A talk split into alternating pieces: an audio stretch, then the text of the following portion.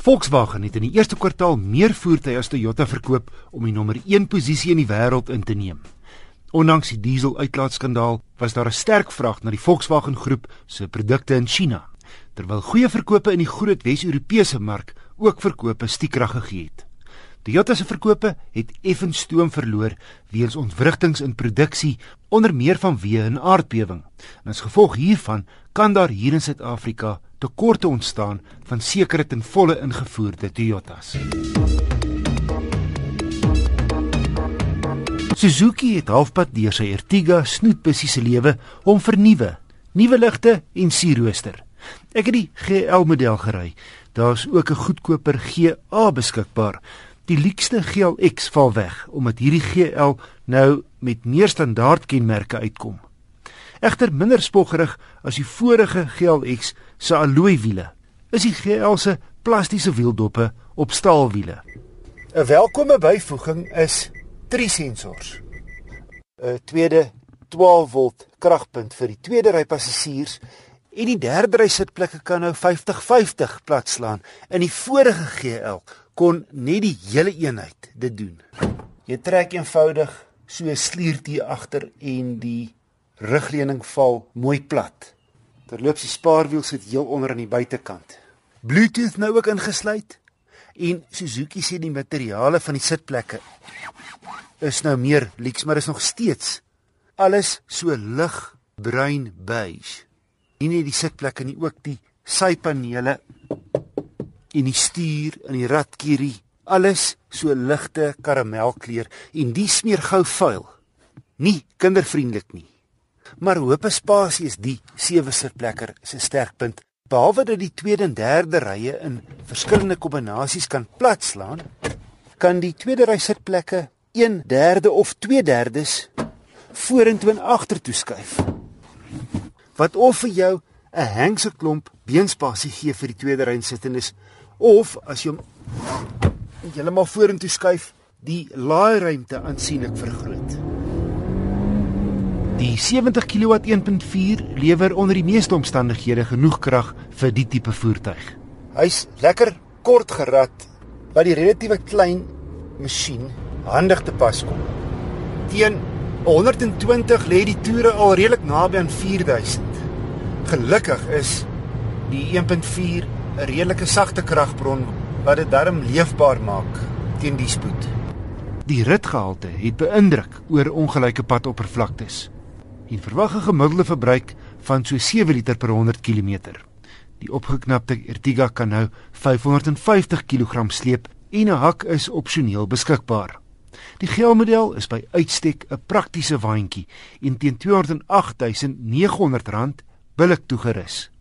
Beter geprys as die Honda Mobilio Comfort.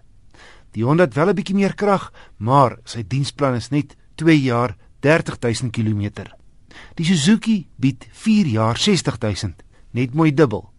Sy ander groot teenstander is die Avanza, maar die Suzuki is heelwat goedkoper as die Toyota en bestuur meer soos 'n passasiermotor.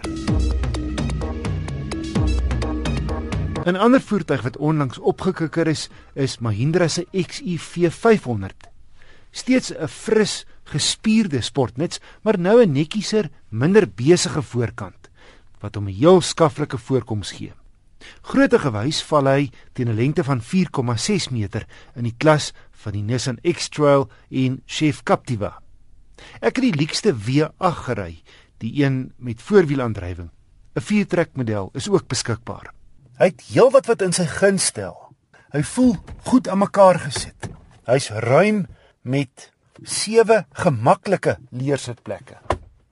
Waarvan die tweede ry 1/3, 2/3 en die derde ry 1/11, 1/11 kan platslaan.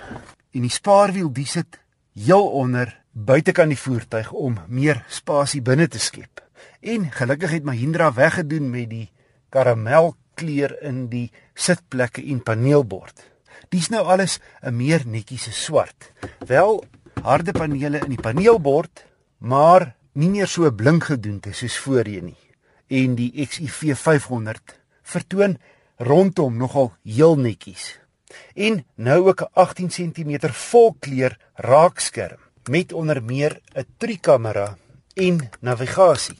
Wel 'n paar kleiner dinge wat beter kon gedoen gewees het, soos die skrif op die knoppe en skakelaars hier in die middelkonsole. Net te klein en so ook sekere goed op die skerm soos die binne- en buitetemperatuur. En dan op die outofunksie kan die hoofligte nie op sy hoofstraal, met ander woorde die brights gestel word nie.